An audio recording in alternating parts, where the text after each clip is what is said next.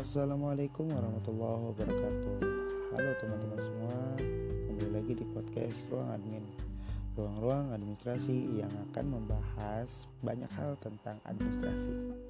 Semoga teman-teman semua selalu dalam keadaan sehat walafiat ya Amin. Di episode sebelumnya Ruang Admin sudah menyampaikan review uh, materi tentang aspek-aspek administrasi namun pada episode kali ini ruang admin juga akan menyampaikan review tentang aspek-aspek administrasi bagian 2. Nah, ini jadi bagian 2-nya teman-teman. Jadi masih ada keterkaitan dengan bagian pertamanya dan masih nyambung. Oke. Nah, tapi apa aja sih aspek-aspek administrasi yang dibahas dalam part 2 ini? Uh, oke, langsung aja yuk kita bahas aspek-aspek administrasi yaitu ada komunikasi dan koordinasi. Terus ada efisiensi dan efektivitas dan ada kinerja dan produktivitas. Aspek yang pertama yaitu ada komunikasi. Apa itu komunikasi? Komunikasi merupakan penyampaian pesan dari komunikator kepada komunikan. Yang mana di dalamnya komunikasi itu sendiri uh, manusia saling berhubungan dan mendapat informasi atau sebuah pesan yang dilakukan antara dua orang atau lebih agar komunikasi bisa dikatakan berhasil. Maka dari itu lawan bicara harus tahu dan paham dengan apa yang kita sampaikan. Berikutnya uh, ada koordinasi. Koordinasi merupakan sebuah kegiatan yang menjaga dan menyeimbangkan tim atau kelompok dengan cara memastikan pembagian tugas yang tepat dan masing-masing anggota dan memastikan pula tugas yang diberikan bisa dilakukan secara harmonis. Adapun manfaat dari koordinasi yaitu untuk menciptakan dan memelihara efektivitas organisasi dan juga diharapkan bisa menimbulkan kesadaran diri di antara anggota tim atau kelompok untuk saling membantu Kemudian, koordinasi juga merupakan sebuah rangkaian atau sebuah lanjutan dari tindakan komunikasi itu sendiri. Jadi, koordinasi itu suatu kegiatan yang memanajemen dan di dalam koordinasi sudah pasti terjadi adanya komunikasi. Sedangkan dalam kegiatan komunikasi belum tentu ada koordinasi.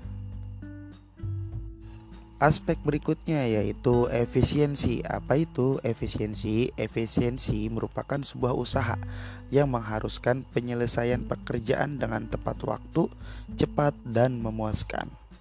Yang berikutnya ada aspek efektivitas. Nah, efektivitas sendiri merupakan suatu tingkat keberhasilan yang dihasilkan oleh seseorang atau kelompok organisasi dengan cara tertentu sesuai dengan kehendak tujuan yang yang ingin dicapai. Arti kata semakin banyak rencana yang berhasil dicapai, maka di situlah sebuah ataupun suatu kegiatan dianggap semakin efektif. Jadi efisiensi dan efektivitas itu dilihat dari bagaimana lebih baik suatu keadaan ke depannya. Nah, oke, okay, uh, eh, lanjut pembahasan aspek yang berikutnya yaitu aspek kinerja. Nah, kinerja itu merupakan penampilan hasil kerja perorangan atau kelompok dari proses kerja yang dilakukannya. Nah, di sini ada enam kriteria dalam melakukan kinerja yang pertama ada kualitas, kedua ada kuantitas, yang tiga ada teamless, yang keempat ada cost effectivity, yang kelima ada need for supervisor, yang keenam ada interpersonal import. Nah, berikutnya aspek produktivitas. Produktivitas merupakan suatu ukuran yang menyatakan bagaimana baiknya sumber daya diatur dan dimanfaatkan untuk mencapai hasil yang optimal.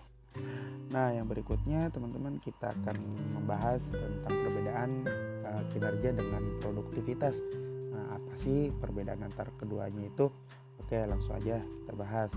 Yang pertama, kinerja itu merupakan perbandingan antara hasil kerja yang output dengan periode. Sedangkan produktivitas merupakan perbandingan antara hasil kerja yang output dengan sumber daya yang digunakan atau input. Nah, kita lihat perbedaan dari pembagiannya Nah, pembagi kinerja adalah waktu yang dibutuhkan, sedangkan pembagian produktivitas adalah sumber daya yang dibutuhkan. Nah, berikutnya lagi, kinerja itu lebih menitik beratkan pada efektivitas penggunaan waktu. Nah, yang sedangkan produktivitas lebih menitik beratkan pada efisiensi pada penggunaan sumber daya. Oke teman-teman mungkin cukup sekian uh, review materi administrasi yang bisa disampaikan.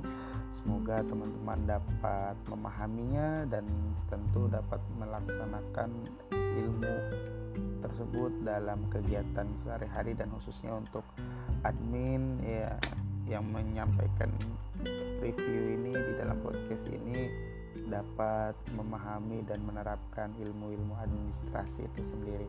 Oke, cukup sekian yang bisa disampaikan. Apabila ada apabila ada kesalahan mohon dimaafkan.